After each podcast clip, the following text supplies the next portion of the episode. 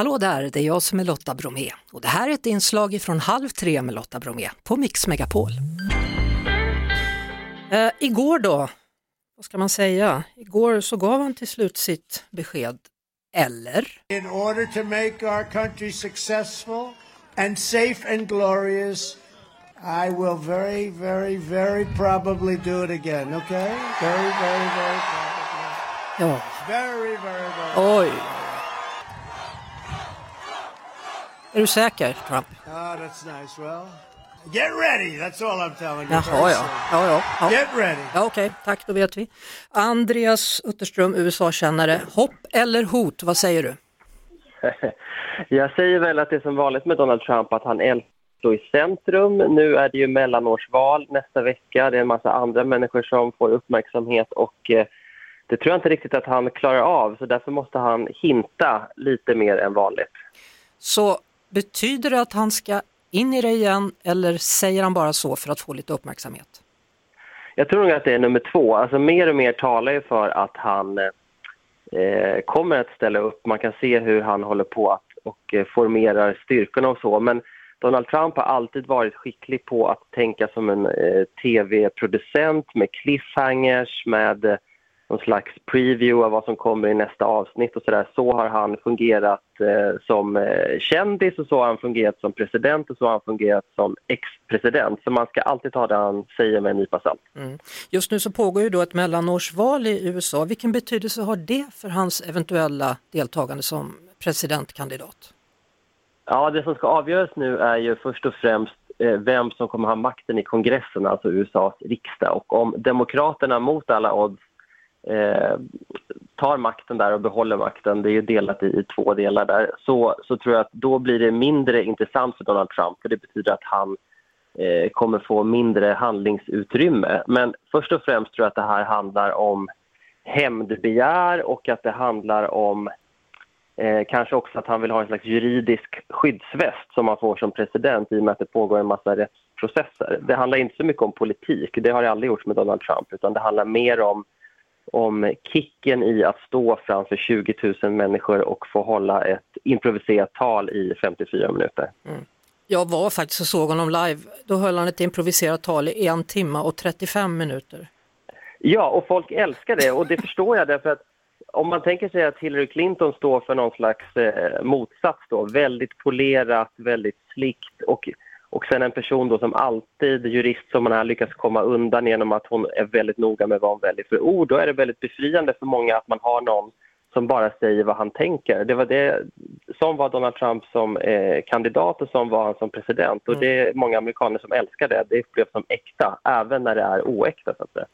Du får rätta mig om jag har fel nu Andreas, för det är du som är USA-expert och inte jag. Men kan det vara så att han hjälper nu vissa politiker runt om i landet, i de olika delstaterna, människor som också, liksom honom, säger nej, det där var ett fejkresultat i valet och som är beredda att finnas vid hans sida när han ska börja röra upp saker igen? Oh ja, alltså det, man- det man kan se är ju att han, en förutsättning för att bli framgångsrik republikan idag är ju att man, att man säger att det var valfusk, att man står på Donald Trumps sida. Det finns vissa undantag, Mitt Romney och, och andra. Det beror liksom på varifrån i landet man kommer. Men, men först och främst är Republikanerna numera ett parti där man måste svära Donald Trumps ed på något vis. Och sen har- partiet också varit framgångsrikt när det gäller att, eh, alltså på lokal nivå, att, att eh, hitta eh, folk som, som på förväg har sagt att jag kommer inte godkänna valresultatet 2024 om Demokraterna vinner. Så man kan se hur man lägger en slags... Eh, man gör en massa förberedelser för 2024. Då det säkert, om man ställer upp blir det säkert anklagelser om valfusk igen och det lär säkert hända också nästa vecka. Mm. Framförallt i de delstaterna där jämnt. Så det är lite deppigt om man är USA-vän som jag att se det här landet förgöra sig självt.